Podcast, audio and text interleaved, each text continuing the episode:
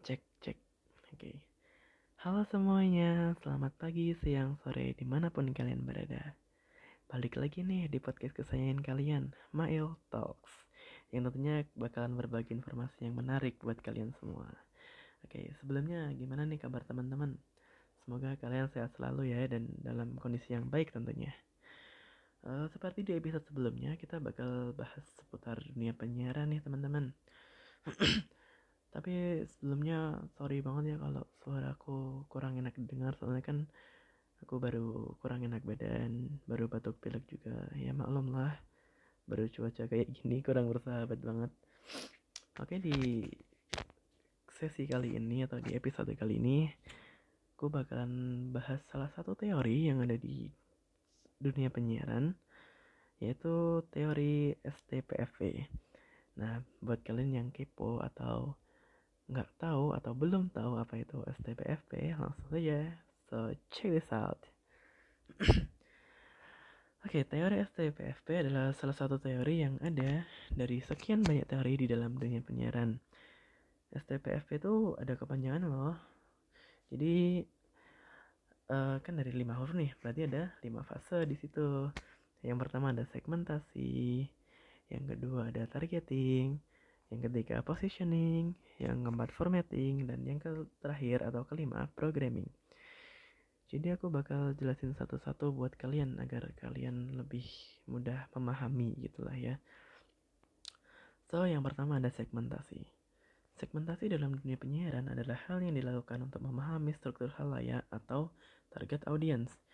Jadi kita di fase ini tuh dituntut untuk memahami sebuah struktur yang mana salah satu struktur itulah yang nantinya akan menjadi audiens dari program kita. Jadi ya kayak kita belajar dulu lah ya maksudnya kayak ada berapa jenis sih di masyarakat atau berapa jenis audiens gitu loh yang dapat menerima siaran kita nanti gitu. Oke next selanjutnya adalah targeting. Targeting adalah kegiatan yang dilakukan untuk menentukan, menjangkau, dan menyeleksi calon audiens kita agar ya agar kita nggak salah target lah ya dalam menayangkan program kita. Kan nggak mungkin nih kita nayangin program anak-anak ke orang dewasa dan sebaliknya kayak kita nayangin program ke orang dewasa pada anak-anak itu kan nggak mungkin banget ya. Soalnya bakal terjadi chaos nantinya gitu. Oke yang ketiga adalah positioning. Eh, di fase positioning ini kita harus memikirkan strategi atau cara untuk memasuki otak calon konsumen atau audiens kita dengan efektif. Sehingga kita tidak perlu menjelaskan apa yang ingin kita sampaikan kepada audiens secara panjang lebar gitu. Ini mungkin kalau bahasa umumnya kayak kita bikin target pemasaran gitu ya. Atau trik-trik pemasaran agar lebih menarik dan uh, apa ya tepat pada targetnya gitulah. Jadi kita nggak perlu menjelaskan panjang lebar kita cukup mengasih something yang simple dan mereka ntar dapat memahami gitu. Oke selanjutnya ada fase formatting. Di fase ini kita dapat menentukan format regulasi loh dan format regulasi ini tim kita sendiri yang menentukan gitu. Demi keberhasilan sebuah program yang akan kita tayangkan gitu.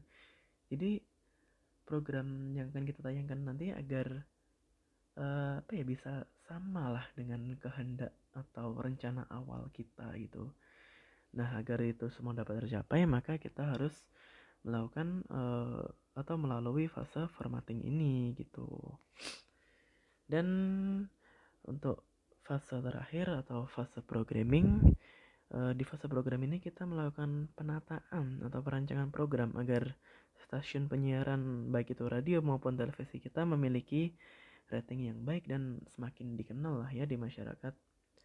Soalnya kan kita kayak semakin banyak audiens semakin tinggi rating dan ter nama kita itu bakal semakin melambung tinggi gitu loh. Jadi ya kita perlu untuk melalui apa melewati fase programming ini gitu. Nah jadi itu tadi uh, lima fase atau lima apa ya penjelasan tentang teori STPFP gitu.